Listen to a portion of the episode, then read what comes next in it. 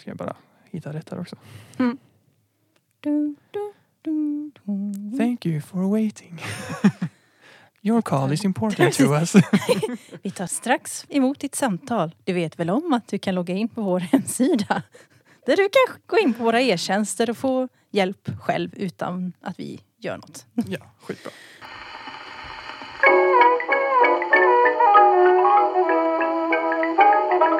God dag allmänheten! Ni lyssnar på Bibblan svarar. En podcast som görs av biblioteken i Uddevalla i samarbete med den nationella svarstjänsten Bibblan svarar. Här försöker vi komma med lite mer ingående svar på de frågor om allt möjligt som ställs av er alla på bibblansvarar.se eller direkt till oss på Bibblan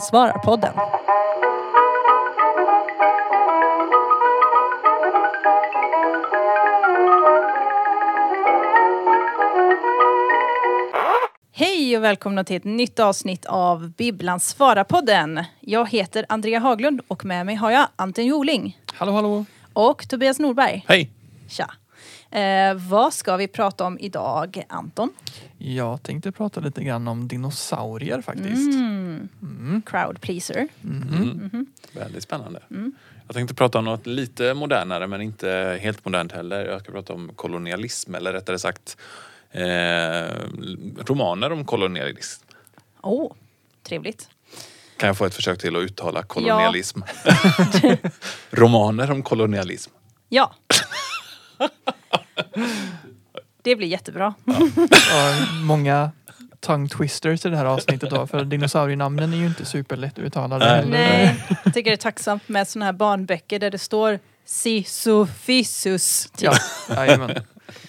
Eh, ja, men det låter som en bra mix där. Eh, och det här avsnittet kommer låta lite annorlunda än vad det brukar göra. För vi har lite ont om personal här där vi spelar in. Så vi måste, en av oss måste gå ifrån för att bemanna biblioteket. Japp. Så ni behöver inte fundera över varför helt plötsligt så pratar Anton ingenting eller Tobias. för då betyder det att de är inte här. Så är det antagligen. Ja. Ja, Men det kommer bli jättebra ändå. Så jag tycker bara vi kör igång. jajamän. Ja.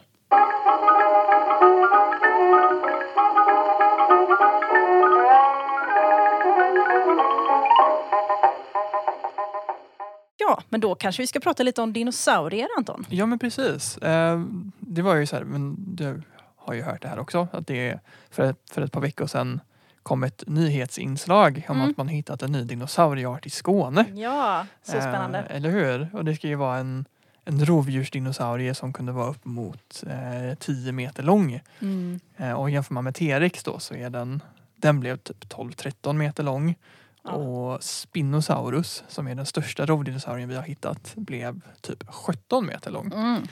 Ehm, och den här fossilen som man hittade är ungefär typ 200 miljoner år gammal. Mhm.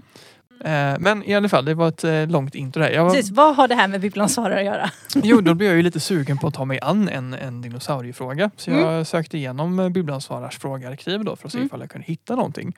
Eh, och det fanns faktiskt inte jättemånga dinosauriefrågor. Nej. Nej. Eh, men jag hittade den här i alla fall. Mm.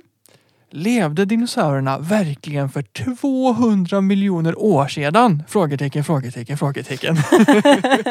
eh, men då har frågesvararen i alla fall skrivit eh, att så här står det i Nationalencyklopedin. Eh, de, dinosaurierna, levde under Mesozoikum, en geologisk era cirka 251 till 66 miljoner år före nutid som omfattas av Trias, Jura och Krita. Mhm. Eh, och de var under den här tiden den helt dominerande gruppen landlevande ryggradsdjur. Eh, men i alla fall, kort svarat då, så ja, under ett tidsspann på cirka 164 miljoner år så levde det dinosaurier på jorden. Eh, och det är då från 230 miljoner år sedan fram till 66 miljoner år sedan. Mm. Och jag spann också in, alltså med det är sådana här sjuka jädra tidsspann så är det väldigt svårt att på något vis Ja, comprehenda det. Det, det, det, liksom blir, det är ungefär som att försöka tänka sig universum och hur stort det är. Det är lite samma det där. Känns inte som våra hjärnor kan hantera riktigt de avstånden i tid heller. Nej, verkligen inte. Eh, Men det finns en på, också på NE då hittar jag en väldigt bra geologisk tidsskala. Mm. Eh, Som då från jordens skapelse fram till nutid har man delat in eh, tiden då. Ja. Så om vi tittar då på våran skånska dinosaurie så kan vi säga att den levde under den yngre epoken av perioden Trias under eran Mesozoikum och ionen Phanerozoikum.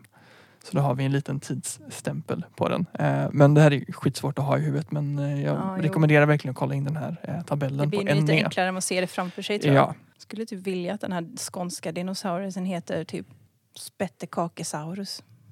skitbra namn. Jag vet inte, den har inte, jag vet inte om den har fått något namn än. Jag tror inte det. Nej. De är väl inte helt hundra på... De går väl fortfarande igenom alla fynden Det och sånt där. Så det är väl Ska lite... sålla ut vad som är vad. Ja, precis. Och så, jag tänker också att den typ ryter på skånska. hade varit lite roligt. Men jag tänkte i alla fall en, att vi kunde dra en liten så här, ja, men kort, kort historia om dinosaurierna. Mm. Från eh, Trias fram till slutet av Krita. Eh, och under Trias då som är den första perioden eh, som varade i 51 miljoner år. Mm. Eh, då var ju hela världen var en enda landmassa, eller förutom havet då såklart. Och det var den här superkontinenten Pangea. Just det. Eh, och här fanns det barrträd och mossor och ormbunkar och insekter. Eh, och i luften så flög det pterosaurier, flygödlor, som inte är dinosaurier utan de är en helt egen grej. Eh, men det fanns liksom inga fåglar än, utan det var de som härskade i luften. Mm. Eh, och i mitten av kontinenten så var det eh, väldigt mycket öken för eh, regnmolnen tog sig inte så långt in så det var Ja. väldigt så här, frodigt längs med kustlinjerna och så inåt var det mycket, mycket öken. Och de djuren som härskade då var krokodilliknande kräldjur som var de eh, största landlevande djuren. Mm. Det var liksom här då för ungefär 230 miljoner år sedan som de första urdinosaurierna dök upp. Eh, och den tidigaste som man har hittat är från en Eoraptor. Den var runt Mm. en och en halv meter och vägde ungefär fem kilo. Så den är väl kanske i, vad var det? Ändå. Ja, Vad sa du? En och en halv meter och vägde och cirka fem kilo. fem kilo. Ja. Men jag Ja. tänker så här, fåglar är väl också lätta. Ja, det är ifall det är sant. så här håliga ben så- eller någonting sånt där. Ja. Just det. Ehm, Men det var i alla fall en, en liten rovdinosaurie som sprang omkring på två ben. eh, Mhm. Men som också så här, käkade lite blad och rötter när den inte hittade någonting annat gött att äta. Eh, och detta är faktiskt en, en tidig släkting till gruppen sauropoder. Mm. Det kanske inte låter så bekant men eh, tänk dig de här gigantiska långhalsarna. ja, just det. Så de började liksom som en pytteliten dinosaurie. Ehm, men det fanns också lite större arter under Trias eh, och en av dem var Platyosaurus. Eh, och den har man också hittat fossil efter i Skåne. Mhm. Ehm, och det var en eh, tvåbent växtätare med lång hals och svans, och korta armar och med fem små fingrar där tre av dem hade krökta klor så den kunde Mm. både jaga bort fiender men också, mm, tror man, ta tag i grenar för att få tag och käka. Eh, och den kunde bli typ 5 till 10 meter. Så här har vi Mm. kommit. Betydligt högre. Ja, och det är också en släkting till de här sauropoderna så Mm. vi märker hur det går eh, framåt. Och efter Trias så kommer ju Jura. Och det varade i 56 miljoner år. Eh, och under Juraperioden så börjar uppsplittringen av den här eh, kontinenten Pangea. Mm. Eh, och förenklat kan man säga att det blev typ två delar istället. Den ena heter Gondwana och den andra heter Laurasien eller Laurasia tror jag man säger på engelska. Det Okej. faller lite lättare. Mm. Och då blir klimatet mycket varmare och fuktigare. Det blir färre öknar. Det var fortfarande mycket barrträd och ormbunkar. Eh, och eh, under Jura började också de första fåglarna komma faktiskt. Men var de fåglar som fåg vi tänker fåglar eller var de mer flygödlor? Eh, de mer som fåglar som vi tänker fåglar men det är också typ en blandning mellan fåglar Ja. och kräldjur typ. Det finns en som är väldigt känd och fruktansvärt svåruttalad Mm. som heter Archaeopteryx. Archaeopteryx, någonting Mm. åt det hållet. Den hade liksom som en näbbliknande käke Ja, men den hade fortfarande tänder. just det. Eh, och så, så var det en lång svans eh, som fortfarande hade kotor kvar Mm. från kräldjuren. Eh, men den hade fåglar, den hade fjädrar som Mm. en fågel eh, och också en större hjärna än Mm. kräldjuren.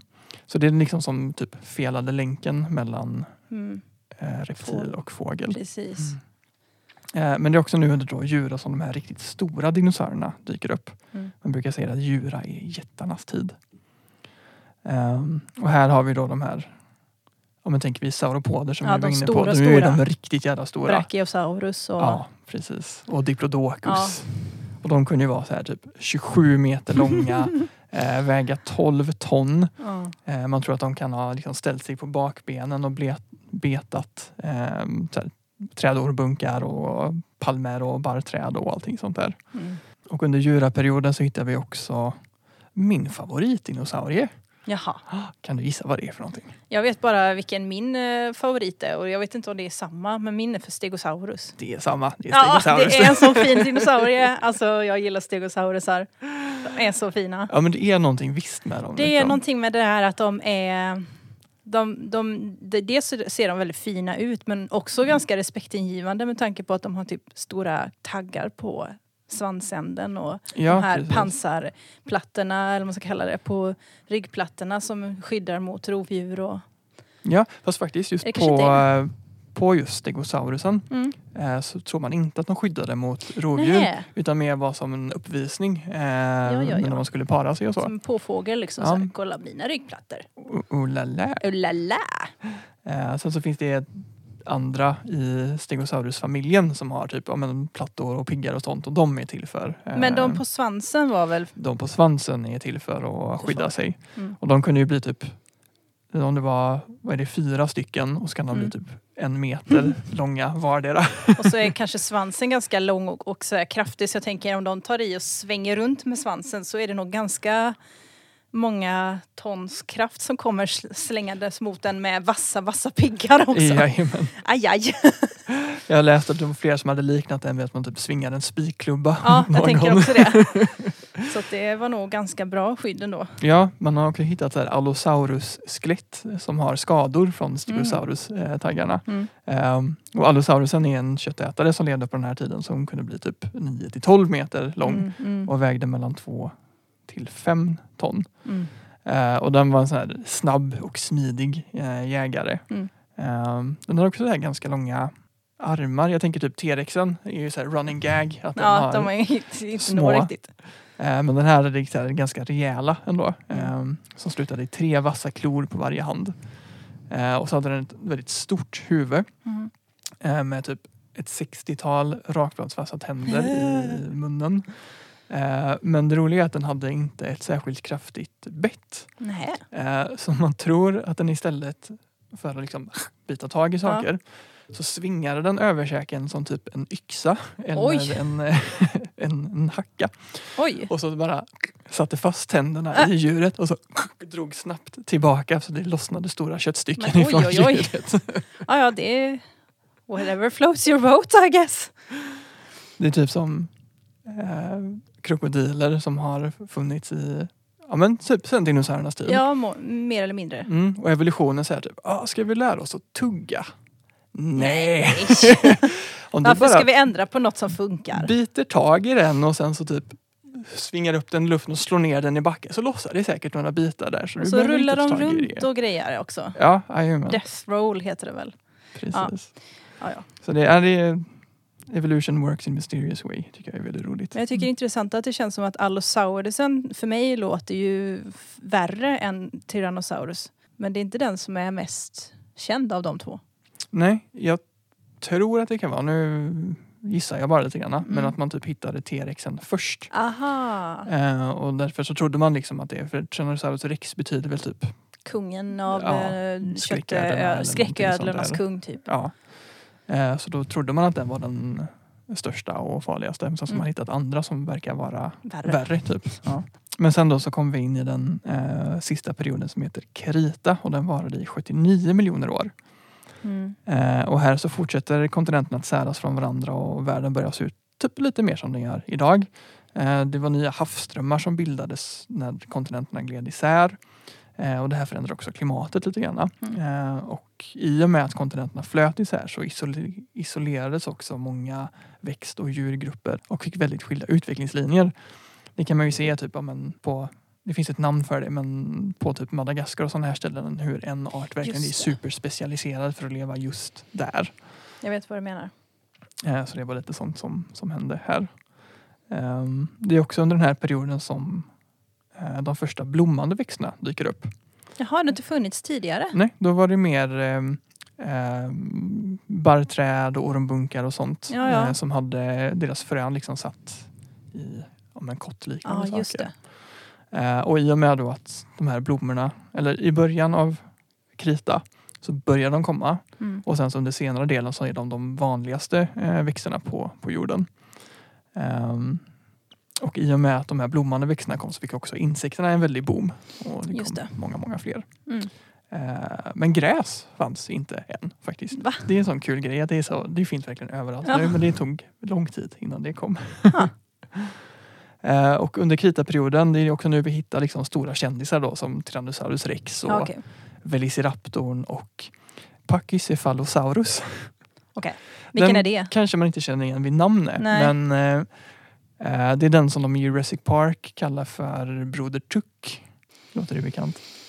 Jag kommer inte ihåg det faktiskt. Det är en växtätande dinosaurie som springer runt på två ben och som har det här massiva skallbenet på huvudet Ja! så den är helt, det ser ut som den ja, är helt flint. Ja, just det. Och så använder den den för att bara stångas mot det, eh, andra- fiender och eh, andra pachycephalosa- pachycephalosaurusar. för att tävla om honorna.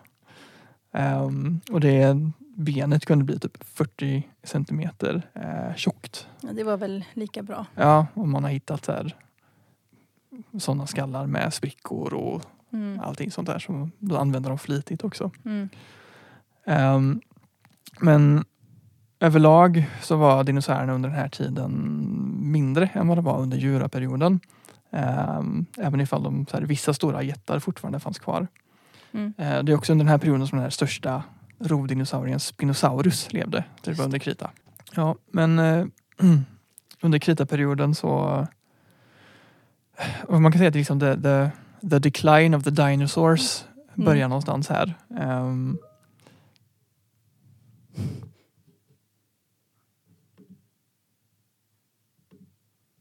Händer. eh, man kan också säga att eh, the decline of the dinosaurs börjar någonstans här Mm. eh, under kritaperioden. Antalet dinosaurier liksom hade minskat ganska stadigt i ett par eh, miljoner år. Okej. De blir för det mesta liksom mindre och mindre, alltså i storleksmässigt. Mm. Eh, och sen då så kommer då den stora dödsstöten som är ett meteoritledslag som träffade jorden. Och det är det här då som markerar slutet för eh, Ja, men kritaperioden. exakt. Eh, ja, nej, så det blev en, en väldigt snabb genomgång av dinosauriernas livstid här då. Mm. Eh, som började för som sagt cirka 230 miljoner år sedan och varar i cirka 164 miljoner år. Eh, och som vi pratade om förut så går det knappt att fatta liksom hur länge eller hur lång tid det här är för det är sådana astronomiska siffror. Herregud. Ja. Eh, men det finns en cool bit fakta som jag tycker sätter det lite i perspektiv. Ja. Eh, och det är att det är alltså närmare i tid mellan människor och Tyrannosaurus rex än vad det är mellan Tyrannosaurus rex och stegosauren.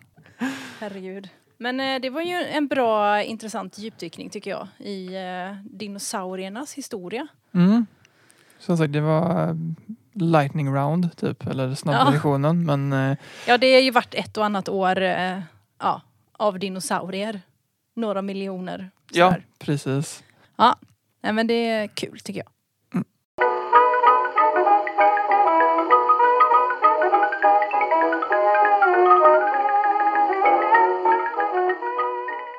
Ja, ska vi Mm. prata lite kolonialism? Ja, precis.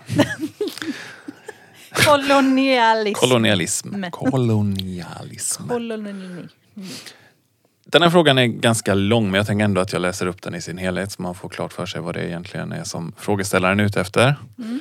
Så här låter det. Hej, jag söker efter boktips. Jag är lärare på en folkhögskola och söker efter en skönlitterär bok som kan passa min klass utifrån det tema vi snart ska påbörja. Många är ovana läsare och en hel del av deltagarna har svenska som andraspråk. Det bör därför vara en ganska kort och hyfsat lättläst bok. Den bör helst inte vara mer än runt 200 sidor. Eh, för abstrakt berättande eller för många perspektiv är ofta svårt för deltagarna. Det tema vi ska påbörja handlar om kolonialismens historia och dess konsekvenser i vår tid. Jag söker alltså en bok som handlar om kolonialism, om rasism eller som på något annat sätt går att knyta till temat. Jag har letat runt en massa men trots att det finns många bra böcker inom ämnet har jag svårt att hitta en som uppfyller alla kriterier. Ta tacksamt emot förslag. Eh, Mm, ja. Ja. Det, och det, är, det är ganska många kriterier man ska lyckas uppfylla här i alla fall. Men det verkar som frågeställaren då är ute efter romaner i första hand. Och de ska handla om kolonialism eller åtminstone utspela sig i ett samhälle som är präglat av kolonialism på något Ja. sätt. Jag tänkte börja med att säga något om vad kolonialism är. ja, men det kanske är bra. Ja, jag tror det. Det är ganska svåruttalat som, som man redan har märkt. Men eh, man kan väl lite kortfattat säga att det är när vissa stater, ofta har de varit europeiska då, erövrar och utnyttjar områden i andra delar av världen. Eh, och i Nationalencyklopedin så står det att kolonialism är erövring, kontroll och exploatering av områden utanför kolonisatörens primära territorium. Mm, men då ska vi alltså se om vi kan komma med några bra tips på böcker om kolonialism. Jag tror att det kan vara bra att börja med att spalta upp vilka kriterier frågeställaren egentligen hade för att en bok ska vara aktuell. Så här kommer en liten sammanställning då. Boken ska vara skönlitterär, alltså innehålla en berättelse av något slag. Den ska vara kort, helst inte mer än 200 sidor. Och den ska vara någorlunda lättläst utan ett för abstrakt berättande eller för många perspektiv. Och boken ska som sagt handla om kolonialismens historia och konsekvenser. Och då tänker jag så här att om någon frågar mig om en kort roman om kolonialism så säger jag spontant Mörkrets hjärta av Joseph Ja. Conrad. Precis, det är typ den enda jag kan Ja, komma på precis. på rak arm. Och jag bara utgår från att den finns i någon slags lättläst Ja, det gör den säkert. Eh, och det är nog inte, vi är nog inte ensamma om att, om att tänka på den i första hand för det är, en, det är liksom en klassiker som många känner till. Och om inte annat så är det förmodligen många som har sett filmatiseringen eh, Apocalypse Now. Just det. Men där har handlingen då förflyttats från Kongo eh, under det sena 1800-talet till Vietnamkriget som ju var under andra hälften av 1900-talet istället. Men problemet med den här boken om man kollar på de kriterier som vi räknade upp tidigare så är den ju inte särskilt lättläst och den är förmodligen lite väl abstrakt i det här sammanhanget också då. Så den kanske är lite krånglig. Så vi får nog ändå lägga den åt sidan tillfälligtvis tänker jag. Ja. Och tyvärr så finns det inte så där jättemånga skönlitterära böcker om kolonialism överhuvudtaget om man jämför med hur stor påverkan kolonialismen har haft på världen kan man säga. Jag skulle tro att det beror på att människor från de länder som drabbats sällan har fått möjlighet att komma till tals själva antagligen. Nej. Det är ju ganska talande då att, att eh, Mörkrets hjärta som vi nämnde, den, det är liksom den första författaren jag själv kom att tänka på var ju Joseph Conrad då. Han var europe. Men på senare år så har det i alla fall kommit ut så pass många böcker som handlar om kolonialism på något sätt att det går att nämna några författare som har behandlat det ämnet. Eh, sen kan man ju få lite problem då med det där kriteriet om att eh, böckerna ska vara lättlästa. Ja. Det är faktiskt ännu svårare att hitta romaner som är tillräckligt korta kan man säga. Så jag tänkte vi kanske får prova att kompromissa lite och plocka bort något av kriterierna för att få fram några förslag. Ja. Så jag kan börja, vi hade ju fyra sådana där olika kriterier som de skulle uppfylla. Men om man börjar med att plocka bort de böckerna som var lite svårt att, att leva upp till den där begränsningen på 200 sidor så finns det ganska många författare som har skrivit om kolonialism på ett, ett fint sätt. Så. så det är uppenbarligen ett ämne som lämpar sig bra för en sån där riktigt fin litteratur kan man säga. Eh, Och många av de här författarna kommer också själva från länder som har varit koloniserade av olika europeiska länder och som då vill också ha någon typ av förhållande till kolonialismen och vilka följder den kan få. Till exempel kan vi nämna Mia Koto som är från Mosambik och hans bok Sjöjungfruns andra fot till exempel. Eller den algeriska författaren Jasmina Kadras bok eh, eh, Vad dagen är natten skyldig som exempel. Båda är på runt 400 sidor då, alltså nästan dubbelt så långa. Jag kan bara skjuta in här också att när man gör en sån här sammanställning av olika författare så försöker man ju få till någon typ av rimlig könsfördelning bland annat eh, bland de författare man räknar upp. Och jag får erkänna att jag har trott att både Mia Couto och Jasmina Kadra är kvinnor. ja. Men båda är faktiskt män. Eh, som skriver under pseudonym. Eh, Ah. Så det är väl lite... Men är de skrivna under pseudonym som en kvinnopseudonym då? Nej. Nej, Det vet jag kanske nej, det, nej, det vet jag inte. Alltså jo, men det är väl, det är ju kvinnonamn. Det var mest liksom. bara eh, intressant för eftersom man mest har hört talas om kvinnor som skriver under Ja. manspseudonym. ja, ja, precis. Men det här, Men det nej, här vet verkar faktiskt... Jo, men det här verkar ju faktiskt vara tvärtom. Det är ju kvinnonamn och det är män. Så att det, eh, jag vet inte riktigt vad det beror på, Nej. men så är det. Eh, Man kan få lite skeva bilder av verkligheten ibland när man mest hämtar sin information från bokryggar i alla fall. För det är bara där jag har sett de här namnen förut. Ja. Men det var alltså några böcker som inte är tillräckligt korta då. Men vad finns det för böcker som inte är tillräckligt lättlästa? Har det är förstås, eh, förstås svårt att säga vad som är lättläst och vad som inte är det. Det finns ju liksom sådana här lättlästa bearbetningar av olika böcker. Det har vi ganska många på Ja. biblioteken och lånar ut en hel del av. Men om man ska, liksom ska se på originalverket och kolla om det är tillräckligt lättläst så kan det vara lite, lite svårt. Det handlar ju om, om eh, om smak och intressen då. Och en, en bok som, som du sträckläser på en eftermiddag kanske jag får kämpa med i flera veckor. Liksom. Ja, men precis. Eh, Men flera av de där böckerna som jag sa var lite för långa är nog lite för svårlästa också egentligen. Dessutom finns ju sådana här som den här nobelpristagaren Le Clézio som bland annat har skrivit en bok som heter Raga som handlar om kolonialism. Och så då Joseph Conrad som vi pratade om tidigare. Och båda är rätt så korta men också rätt så krångliga. Ja. Eh, Det sista kriteriet, det som handlar om att boken ska handla om kolonialism. Ja, det vet jag inte om vi behöver testa och plocka bort faktiskt. För det finns nog ganska många böcker som är både korta och lättlästa. Som, som inte handlar om kolonialism. Ja. Eh, jag, jag tänkte ett tips på en sån skulle i så fall kunna vara typ Petter och hans fyra jätter. Det är en, en svensk bilderboksklassiker av Einar Norelius. Den boken kunde jag faktiskt utan till för några år sedan. För min dotter ville höra den varje kväll. Men det var rätt så praktiskt då för när vi var ute och åkte bil och sådär så kunde man läsa upp en Ja. ordentlig saga för henne utan att ha med sig någon bok. Det är faktiskt väldigt smart. Mm, det var rätt så smidigt. Ja, nu har jag babblat ganska länge här men vilka tips skulle man egentligen kunna ge till den här frågeställaren då? Ja, men precis. Vad är, mer än böcker som de inte behöver? Ja, precis. Det kan vara bra något som, något som kunde vara bra också, inte bara något som är dåligt. Eh, vår Bibelns svara-kollega som har svarat på den här frågan nämner i första hand Chinua Acheves bok Allt går Åh, sönder. den är bra. Mm. Hon beskriver den så här. Det handlar om en by i Nigeria på 1800-talet. Före och efter vita män kommer och förändrar allt. Eh, men du har, jag har inte läst den. Jag har läst du, den.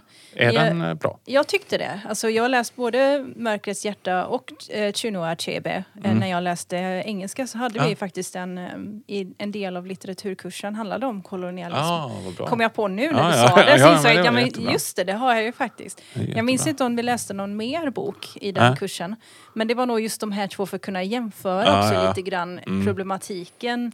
För att jag vill minnas att i Mörkrets hjärta så visserligen så ser man vad ska man säga, ba- baksidan av kolonialismen fast Ja. samtidigt så eh, pratar inte han om det här med man, men, man, eh, den vita mannens börda. Mm, ja, Finns ju ett uttryck. Ja, ja. Eh, att det är lite den grejen att ja, det, det är ändå något som man måste ha på något Ja, sätt. ja, ja, med det som ett perspektiv också. för mig det. Ja. Medan eh, Chinua Achebe är mycket mera... Den är, den är väldigt sorglig för Mm. den handlar ju om en man som ser liksom sitt kultur och sin, ja, men sin, sin, eh, sitt samhälle Mm, liksom falla isär på grund av detta. ja. Och att han själv liksom inte kan hantera det. Och den, så den, den är verkligen inte munter, det är en jättedeppig bok men den, den var väldigt bra tycker jag och sorglig. Ja. Då har vi ett tips där i alla fall då, som Absolut. kommer Kan från oss och inte bara från rekommendera. Ja.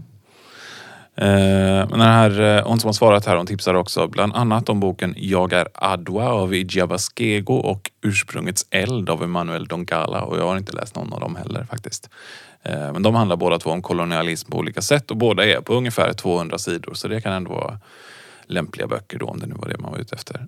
Och det här är bra förslag då som sagt. Men jag tänkte jag ändå kunna lägga till något namn. Och till exempel tycker jag man kan nämna eh, Maurice Condé som ju fick det där litteraturpriset Mm. Ja. som delades ut 2018 när Nobelpriset i litteratur inte delades ut på grund av kontroverser kring en viss kulturprofil. Precis. Som många säkert kommer ihåg. Och en passande bok av henne skulle kunna vara boken Sego som är på runt 250 sidor. Det är ändå ju ganska nära. Ja. Så det där var ett antal hyfsat korta och lättlästa romaner om kolonialism alltså. Och nu eh, har jag ju till och med fått med några riktiga kvinnor också här till slut. Eh, så det finns nog en del böcker som är korta och eller lättlästa och eller handlar om kolonialism. Mm, ja. Eh, Men man kanske får väga de där kriterierna mot varandra och kompromissa lite grann emellan dem Ja. för att hitta något bra. Så är det väl ofta när man letar efter något att läsa också. Det är sällan man hittar något som liksom är perfekt på alla Nej, sätt. så är det ju. Jag kommer också tänka på, jag tror vi läste Toni Morrisons eh, bok Sola. Mm. Den utspelar sig visserligen i eh, USA Mm. men under liksom eh, slaveriets Mm. tid. Ehm, och det är också en, eh, vad ska man säga, det är nästan en del av den kolonialismen. Ja, slaveriet liksom. ja, för som- slaveriet var ju en, en, Ja, men en liksom- effekt av ja, en, kolonialismen. ja, precis. En, liksom Så- en, en del av samma tankevärld också på något sätt. Vad hände sen liksom Ja. med de som plockades? Ehm, så hennes böcker generellt är också väldigt bra. Mm. Sen kommer jag också tänka på, apropå kolonialism och svensk litteratur. Mm. För att eh, det är ju också en sån grej, en sån del av den svenska historien som man inte tänker eller hör så jättemycket om. Att faktiskt så har även Sverige haft kolonier. Mm. Eh, Sankt Bartholomew, tror Ja, just det. Mm. eller sagt, så vad kan det heta på svenska? Sankt Sankt- Bartholomeus, Ja, något sånt. eller något sånt. Ja. Jag har läst eh, en bok som jag inte kommer ihåg namnet. Hmm, det här låter som en Bibblan svarar-fråga. Jag har läst en bok, jag kommer inte ihåg namnet eller vem som skrivit den. Men den handlar om, eh, det handlar väl egentligen om en familj som bor där. Och det var någon dotter tror jag som skickas dit, eh, som har bott, uppvuxen i Sverige men skickas dit. Och den är lite intressant. Han har skrivit historiska romaner så Mm. jag fick för mig det. Jag har för mig att det är en man som har skrivit den i alla fall. Eh, vi klipper in här vad Ja. den hette så ni får ett, ett boktips om detta. Hallå, hallå, det var Andrea här från redigeringen. Eh, boken som vi pratar om heter De ofria och är skriven av Janne Lundström, så nu vet ni det. Precis. Men det var jättebra att du kunde bidra med några fler boktips också för jag kände att jag, jag kunde inte bidra med så mycket mer men du hade ju läst hela kurser om det här. Det var helt perfekt. Ja, det var ju ganska många år sedan nu i och för sig. Jo, men då kan man hitta den någonstans långt bak i huvudet. Det finns också en, en till bok som jag kommer ihåg som jag läste som ungdom, som är en ungdomsbok Ja. som är skriven av Celia Reese som heter Pirater. Ja. Den är också jättebra tycker jag och den berör också eh, sådana teman som Mm. kolonialism för Mm. att det handlar om en engelsk flicka som är uppvuxen i eh, England men hennes pappa har en sockerplantage, tror jag det är, Aha. någonstans Mm. i Karibien. Eh, som hon blir skickad till mot sin vilja. Liksom, Mm. För att ja, hon ska vara där nu för hennes mamma har typ dött. Mm. Eller någonting sånt. Ehm, och den är superspännande. Mm. Det hör man ju nästan på Ja, titeln att det den är. Men också väldigt mycket så här starka tjejer, Mm. Går sin väg Ja, ja, precis. Ja, men det var jättefint. och så. Så att, ja, den är Ja, bra. det låter bra.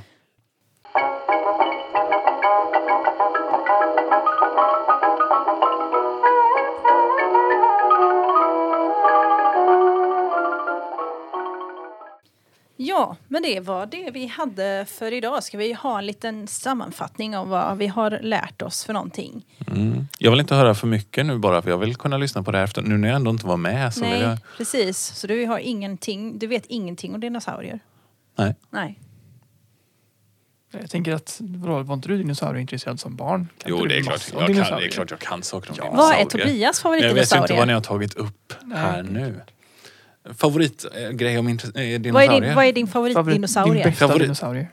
Oj. Vi har konstaterat att jag och Anton har samma. Mm. Jaha. Ja, då, finns det ju, då finns det ju ett facit. Jag tycker om de här eh, de som har såna här liksom, svansar, men som nästan som en klubba, en svans som uppenbarligen är till för att slåss med. Men är det liksom. En de, den där, som eh, har spikar på svansen Ja, eller ja. de som har eh, så här eh, Så det är bara det som är en tjock klubba. Nej, nej, jag tänker bara som spikar på svansen. Ja men då kanske Har du den också... också eh, plattor på ryggen? Mm. Ja men Då det herregud, då har vi alla tre samma favoritdinosaurie. Det kanske är så här, bara på en tremanna eh, eh, undersökning så är det officiellt eh, bibliotekariernas favoritdinosaurie Ja, eh, Det kan vi nog fastslå. Ja, det gör vi.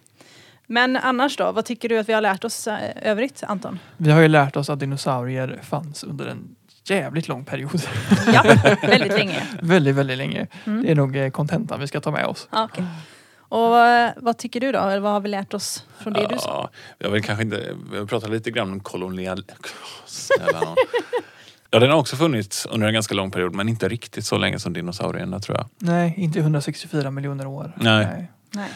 Ehm, och så har vi mest pratat om böcker om kolonialism dessutom och det har ju funnits ännu kortare tid än vad kolonialismen har funnits.